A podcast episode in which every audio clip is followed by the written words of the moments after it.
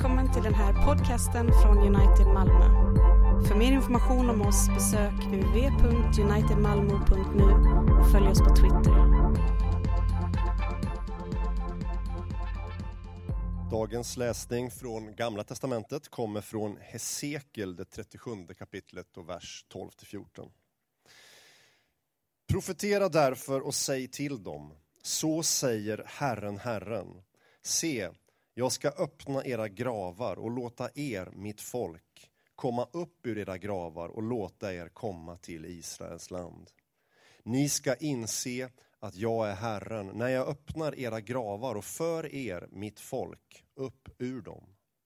Jag ska låta min ande komma in i er så att ni får liv och jag ska låta er få bo i ert land. Och ni ska inse att jag, Herren, har sagt det och att jag har gjort det, säger Herren. Så lyder Herrens ord.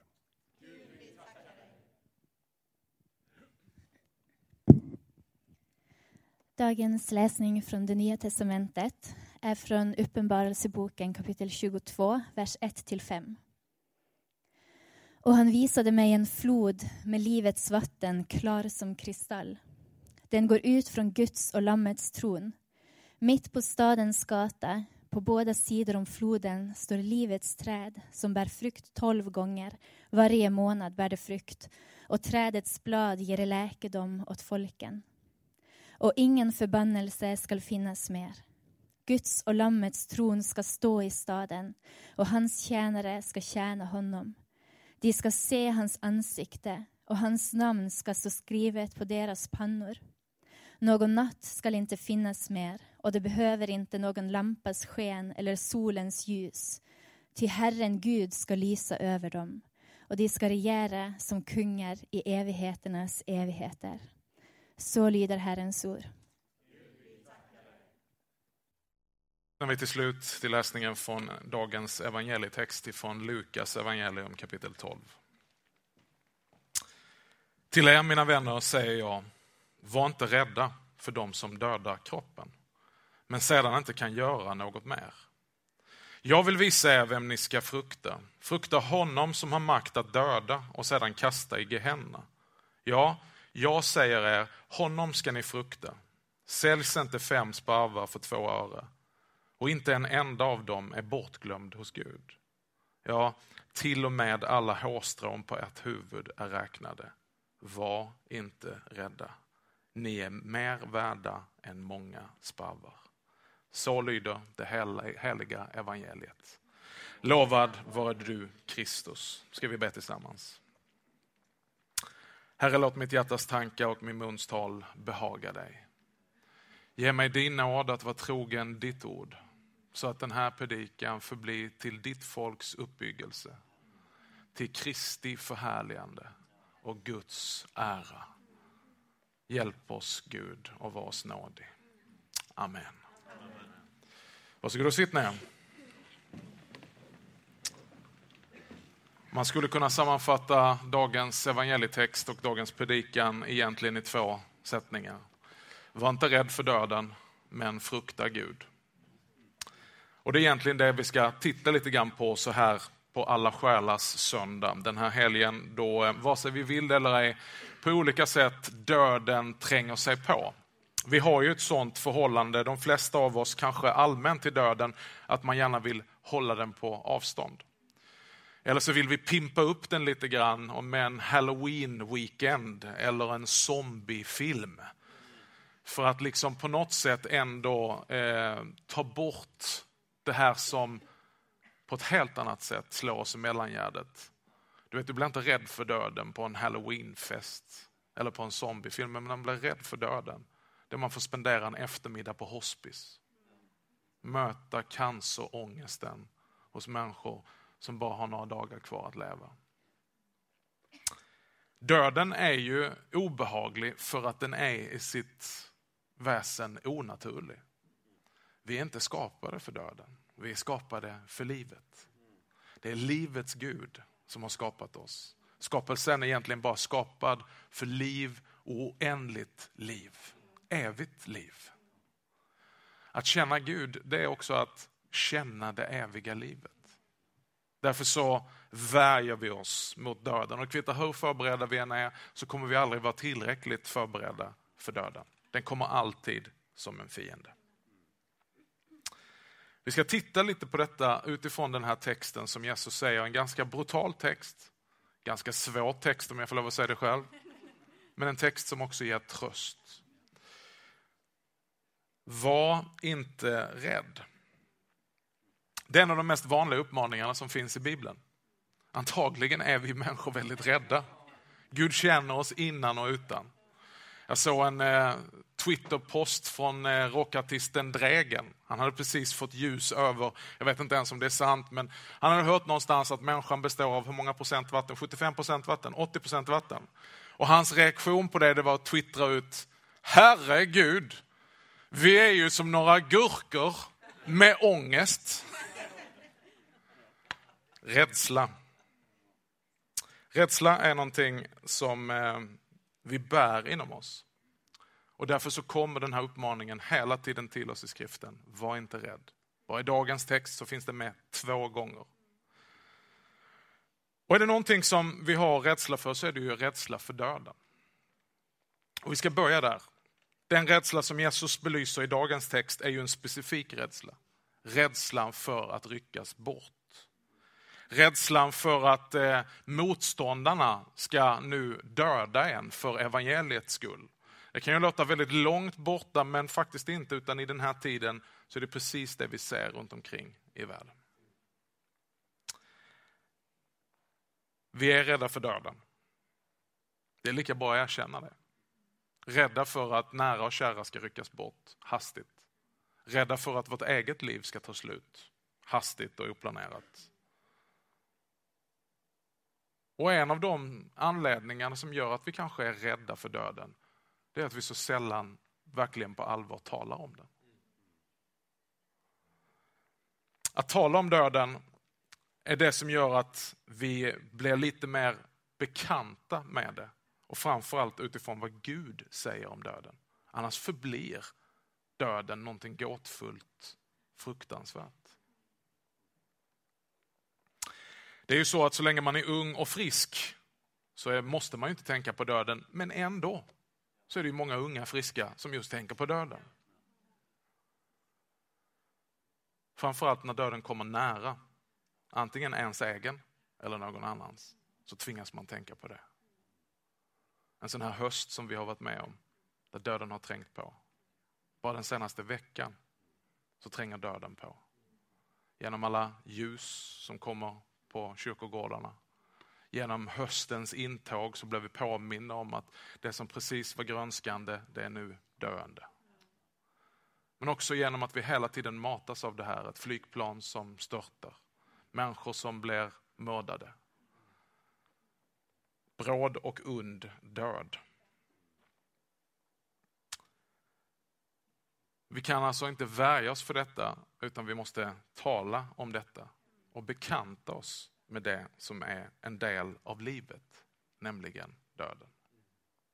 Man kan inte undgå den, utan man måste göra sig redo att möta den. Och man vet ju inte heller när man ska möta den. För somliga av oss vi lever ju som att vi hade någon sorts garanti att jag ska ha ett långt liv. Ja, men det behöver inte du tänka på nu. Du är ju bara 25. Men vi känner ju alla 25-åringar som har hastigt ryckts bort. Och så tycker vi det är orättvist. Och så tycker vi det är hemskt. Och säger, varför är det så? Ja, en sak som vi ska konstatera här idag, det är att det är så. Och att vi behöver förbereda oss på att hantera samtalet om döden. Ytterligare en anledning där vi är, som gör oss rädda för döden, det är ju att vi lever i ett konsumtionssamhälle ett så här slit och släng-kultur. Vi är vana vid att när någonting blir omodernt, gammalt, så byter vi ut det mot någonting nytt. Och Det här är inte bara liksom någonting som har med shopping och möbler och prylar att göra. Utan det har nästan börjat komma in i hur vi behandlar gamla människor. Vi är rädda att bli bortglömda, bortbytta, avlagda på en institution där ingen har tid med oss längre för vi har tappat lystern i hyn, hastigheten i tanken, kraften i kroppen och vi lämnas åt vårt eget öde. Det är bökigt med människor som börjar tackla av. Det tvingar oss andra att sänka tempot, ta hänsyn. Därför så blir det väldigt enkelt att när någon är uttjänad så byter vi bort det. Och så helt plötsligt kommer vi själva där. Är det min tur nu att bli bortbytt? Som gör att jag fruktar det som komma skall. Och så hör vi alla de här lovsångerna på radion. Forever young. I wanna be forever young. Sanningen är ju att det är en enda stor lögn. Det kommer du upptäcka, du som är 19 nu, att när du blir 40 så kommer du aldrig mer vilja vara 19. Möjligt att du vill liksom ha tillbaka dina 19-åriga bröst eller dina 19-åriga ben, men ingenting annat vill du ha tillbaka från ditt 19-åriga du. När jag talar om bröst så talar jag naturligtvis om män. Karl Ove Knausgård han har sagt så här, och häng med nu för det här finns på skärmen. Döden gör livet meningslöst. För att allt vi någonsin har strävat efter upphör med den. Och den gör livet meningsfullt. För att dess närvaro gör det lilla vi har av det omistligt. Varje ögonblick blir dyrbart. Det är intressant va? Att döden är å ena sidan det stora hotet som kommer till att bara sätta stopp för allt det som livet handlar om. Men på grund av att det där stoppet finns så blir också varenda sekund så viktig. Vad kan vi då säga utifrån den här texten om vårt förhållande, vår rädsla inför döden? Ja, för det första så skulle jag vilja säga så här, medan du är i livet, tänk på döden. Alltså medan du lever, tänk på döden. Det kommer förhöja kvaliteten på livet. Det kan ju låta tråkigt, men passa på att vara tråkig en sån här lite samlad dag. Då hela Sverige tänker i de här banorna. Och låt oss använda tillfället och uppmuntra varandra och säga att det behöver inte vara så dystert att tänka på döden utan du kan bli väldigt tacksam för livet. Alla borde vi leva lite mer som vi var döende. Du vet, när man är döende i väldigt specifik bemärkelse, då har man inte tid med det triviala och banala. När man vet att ens dagar är räknade, så är man noga med att inte slösa bort dem på onödiga konflikter eller frustrationer eller sånt som bara är helt meningslöst. Man tar vara på sitt liv. Men nu är det ju så att det inte bara cancerpatienten som har sina dagar räknade, utan allas våra dagar är räknade. Detta är Bibelns syn på livet. Lyssna till psalmerna. Börja i psalm 39 och 5. Herre, låt mig förstå att mitt liv har ett slut. Att det finns en gräns för mina dagar så att jag inser hur förgänglig jag är. Alltså det är en biblisk bön att medan man lever betänka döden. Som en bön där säger, Herre, hjälp mig att fatta att jag har inte liksom ett liv som jag har en garanti för att det kommer bara till att sträcka sig, vara långt och lyckligt. Utan låt mig att förstå att det finns ett slut och det finns en gräns för mina dagar. Inte bara som cancerpatienten eller någon annan döende i sjukdom, utan alla här inne. Dina dagar är räknade. Betänk detta. Psalm 90 säger Lär oss att våra dagar är räknade så att vi får visa hjärtan. Och psalm 139 säger vidare, dina ögon såg mig när jag ännu var ett outvecklat foster. Alla mina dagar blev skrivna i din bok. De var bestämda innan någon av dem hade kommit. Så medans du lever, tänk på döden. Det gör dig vis att hantera livet som du har. Och så skulle jag vilja vända på det här begreppet och säga att inför döden, tänk på livet. Det är ju faktiskt så att sällan tänker man så mycket på sitt liv som när man står inför döden. Sin egen eller någon annans? Du vet, livet det har vi, det bara kommer till oss i mängder hela tiden. Och vi kan tycka det är jobbigt och det är bökigt och du har sovit dåligt och du trivs inte på ditt jobb och det, det är liksom bara du, du tar det för givet. Och sen helt plötsligt så får du det här beskedet. Eller någon annan rycks bort helt hastigt och helt plötsligt får du ett behov av att bara samla dina barn eller dina nära och kära och vara nära dem och säga just det, vi får inte ta varandra för givet, vi, vi måste komma på att det finns en död. Så inför döden, låt oss börja tänka på livet. Livet är skört och döden är plötslig. Det är ingen som har kontroll på den. Du kan använda hur mycket tandtråd och cykelhjälm du vill. Men det finns inga garantier. Det är jättebra, fortsätt med det. Liksom, det, är som, det är som han, idrottsmannen sa att ju mer jag tränar ju mer tur har jag. Så det, det kommer inte till att liksom, det var inte något inlägg emot det. Men tänk att det är ironiskt ibland att de som tar hand om sig bäst, det är de som dör först. För att på något sätt bevisa poängen att ingen av oss har vårt eget liv i sin hand. Inför mötet med döden och i en sån här helg, låt oss därför tänka på livet. Och förstå att det inte är säkert att det blir långt. Det intressanta med Bibeln det är att den på många avseenden utmanar lite grann vårt tänkande. Vi kan ju inte minst i kyrkan tala om att man ska ha väldiga planer. Man ska ha liksom en plan för sitt liv, en vision för sitt liv. Och Det behöver inte vara fel, men Bibeln talar nästan i motsatsförhållande till detta. Det är ju inte i sig fel att vara långsiktig, men Bibeln verkar tala väldigt mycket om att leva i nuet och vara närvarande i stunden och inte ta någonting som har med morgondagen för givet. Du känner ju väl till Jesu ord som kommer här i samma textramsa lite längre ner i vårt kapitel. Jag ska inte läsa allt det i kapitel 12 där han säger, gör er inga bekymmer för ert liv. Vem kan med alla sina bekymmer lägga en enda aln till sin livslängd? Så han talar om detta, tänk inte jag ska göra detta och tänk inte att jag ska göra så och planera inte det här, utan lev idag. Sök Guds rike och hans rättfärdighet, så ska allt det andra tillfalla er. Gör er inga bekymmer för morgondagen. Men det är inte det vi sysslar rätt mycket med. Och det är därför det blir lite ångestladdat. Tänk om jag inte hinner gifta mig. Det kan ju vara aktuellt i sådana här dagar. Tänk om jag inte, tänk om jag inte, tänk om jag inte. Vet du vad? I perspektivet av den tanken, låt oss omfamna nuet. Jakobs brev, han är inne på samma spår i kapitel 4.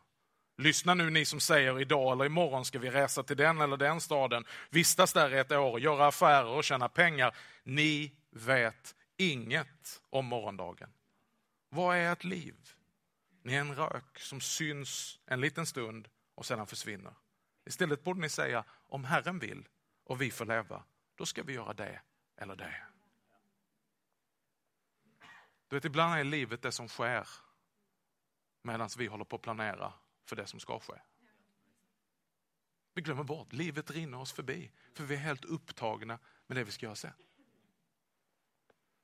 Så några konkreta bra grejer som du kan ta med dig innan vi ska landa i vårt hopp. Ta inte livet för givet utan behandla varje dag som en nådegåva från Gud. Du vet, din glädje kommer att vara på en helt annan nivå. Att det första man gör när man slår upp sina ögon och känner att man kan andas, säga tack Gud. Ytterligare en dag har du gett mig. Du vill att jag ska vara här. Du har en uppgift för mig. Här och nu. Det kan också göra att vi slutar klaga och börjar tacka. Det är naturligtvis ingen av oss som kommer att klara av det. Men tänk om vi skulle kunna börja leva i ljuset av döden och tacka för livet. Tredje vi skulle kunna göra det är att inte skjuta upp saker. För du vet, det är alltid rätt tid att göra det som är rätt och det som är gott. I ljuset av evigheten borde vi inte vänta till imorgon. Skjuta upp det som är gott. Utan ta vara på dagen så länge det är idag. Att uppmuntra, att älska, att omfamna. Att berätta för människor och dela Guds ord med dem och fullt närvarande i nuet. För vi har ingen kontroll över morgondagen. Men låt mig sluta med, var finns då tryggheten inför morgondagen? Inför döden? Inför evigheten? Vad säger den här texten mer? För nu har vi behandlat den biten som säger, var inte rädda.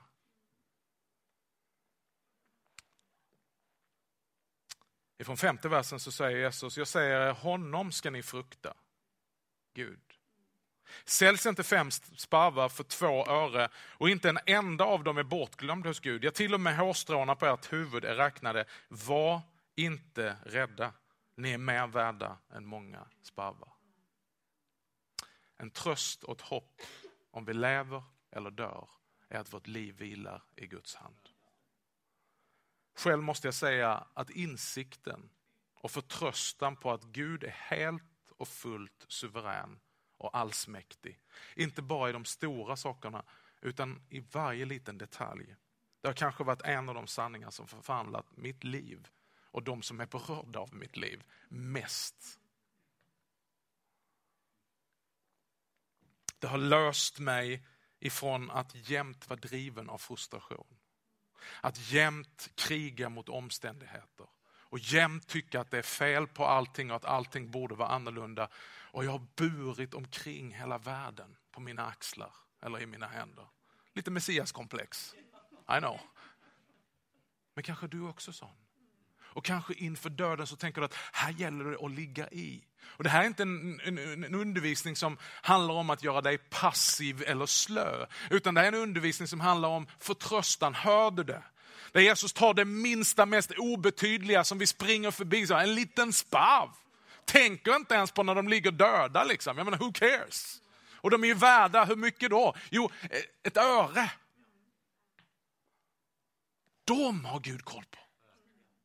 Och han vet exakt tiden för när varje liten sparv trillar till marken. Och så säger han, er har jag till och med koll på varenda hårstrå på huvudet. Det kan vara enklare för vissa av er.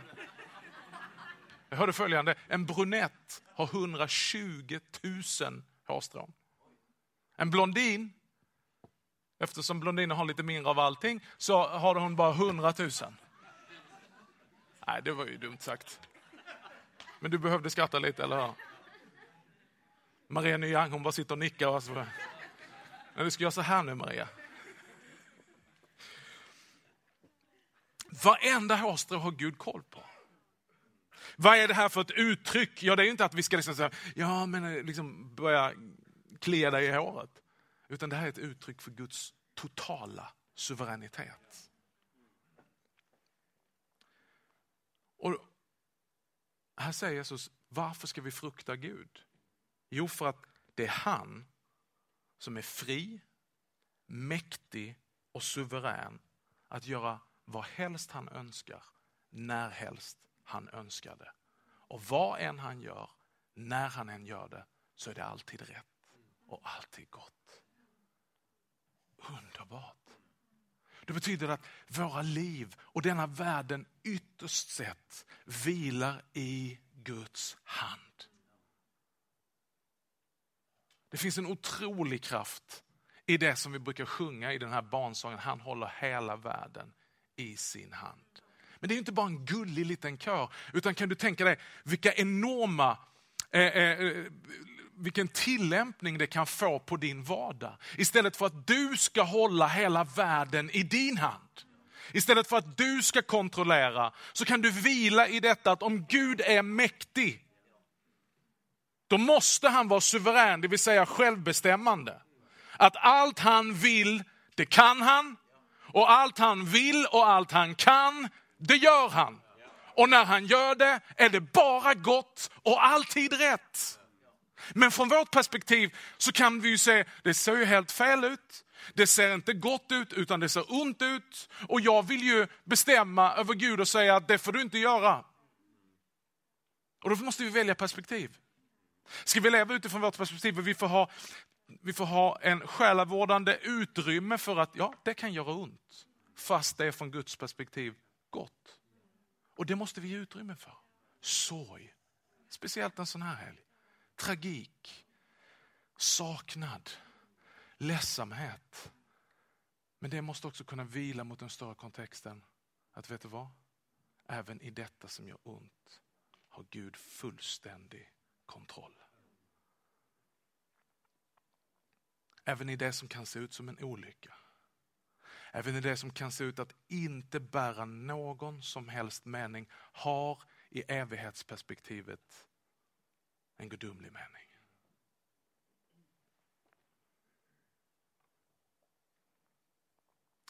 Om Gud inte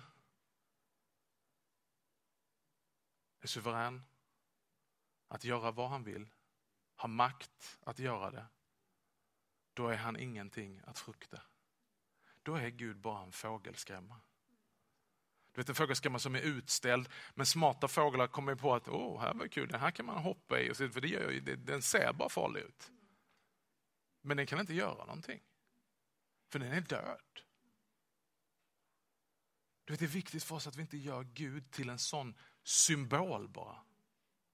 Utan han har verklig makt, också över våra liv. Och vet du vad, det är inte ett hot, det är en trygghet. Mitt liv vilar i Guds hand. Tänk om du kunde möta Moses. vet du vad? Idag kommer inte någonting att hända mig som inte Gud på ett eller annat sätt kommer att använda för min frälsning och hans ära. Wow! Gud, även det som kommer göra ont, även det som jag inte förstår, det som jag inte kan kontrollera, det kontrollerar du. Och det kommer du vända till någonting som ger ära åt ditt namn och frälsning åt ditt folk. Våra liv vilar i Guds hand. Och sist men inte minst så finns det också i dagens texter ett hopp om uppståndelse. Du vet, det är inte bara så här att ja, men vi hoppas att Gud har en plan med detta, utan det finns en plan som vi också kommer att få se och uppleva. Vi hörde från läsningen i Hesekiel i Gamla Testamentet. Så säger Herren, Herren, se jag ska öppna era gravar och låta er, mitt folk, komma upp ur era gravar och låta er komma till Israels land. Det här är naturligtvis en bild på evigheten. Det här är en bild på oss som handlar om uppståndelsen och livet bortanför graven. När vi som troende dör så säger vi inte att vi går bort, utan att vi kommer hem. Och redan där så är det, det är ett helt annat språk. Nej, han har inte gått bort, han har gått hem. Och vi är alla på väg hem. Så det är inte så här att vi ska gå, nej nu finns han inte mer. Nej, nej, nej, han har kommit hem. Han har kommit i mål. Du vet, det var väldigt uppmuntrande för oss när vi sprang maraton. Jag lovar inte dra den historien flera gånger. Men du vet, det var ett helt gäng som skulle springa. Och man hade ju liksom tanken att vi kommer ju springa tillsammans, vi är ju bästa kompisar. Alla kommer vi löpa där och liksom här har lite vattenflaska, lyssna på den här musiken och kom igen nu, vi peppar varandra. Glöm det. Det var ju några själviska personer, ska jag inte nämna några namn, men väldigt många sitter här på första raden. De gick ju hem före oss så att säga. Vi löpte ju samma lopp. Men de kom ju i mål, ja, väldigt långt innan vissa andra. Och då kan man ju tänka, ja, utifrån ett lopp så tänker man, de vann. Men det var som jag sa till kära broder Andreas Frankner som absolut var längst ute i spåret. Och sa att det är du som har sprungit längst, sa jag. Det är inte Heidi som har vunnit alltså. För att hon kom in först, eller näst eh, Patrik, nu blir han arg där. Patrik menar jag. Utan det är egentligen Andreas som har fått vara med om mest. Det är ju ingen konst, hon sprang bara på under fyra timmar. Andreas sprang ju nästan på sex timmar. Fatta vilken kondition! Men du vet, vi vänder på det ibland och så säger vi så här liksom att, och tänker livet, alla är vi på väg hem. Alla är vi på väg att löpa vårt lopp. Vissa av oss löper fyra timmar, andra löper sex. Men vi är alla på väg hem. Och det är ju inte så här att vi är ute i resten av loppet och tänkte, skit också, nu är hon också hemma. Utan det är ju det hela loppet handlar om, målet. Livet tar inte slut, utan det tar en ny början. Det finns ett liv efter graven. Och vet du vad, den som är döpt, den har sin död inte framför sig utan bakom sig. Det är det härliga hoppet vi har i Jesu död och uppståndelse. Att den som har blivit döpt, nu har vi inte dopgraven där, den har varit med om en begravning redan. Så att man behöver inte frukta sin död. Utan i dopet så har man blivit lagd i dopgraven. Och man har rests upp tillsammans med Kristus till ett nytt liv i honom. Så att den dagen du läggs i graven så har du redan varit där. Och på samma sätt som du restes upp ur dopets grav kommer Herren Jesus Kristus att resa oss ur våra gravar. Som vi fick höra i den här texten. På den yttersta dagen när han kommer tillbaka. Inte för att bli en tjock ängel med vingar bakom öronen som påminner om ett sånt här liten eh, grej du fick hos tandläkaren. Utan för att vara med och se en ny himmel och en ny jord med nya kroppar och leva ett nytt liv i evighet här tillsammans med Jesus Kristus. Där all ondska är fördriven, där alla tårar är torkade, där sorg aldrig mer finns, där rättvisa är etablerad i alla delar av samhället för att han är den som regerar. Fridsfursten Jesus Kristus. Detta är vårt evighetshopp. Och du behöver inte vänta till den dagen du är döende. Utan du kan få ta emot detta evighetshopp här och nu. Och i dopets handling blir denna gåva given till dig. Så att alla döpta kan säga, min död ligger bakom mig. Jag har varit där. Jag har bara liv framför mig. Ära vare Fadern och Sonen och den helige Ande. Nu och alltid och evigheters evighet. Amen.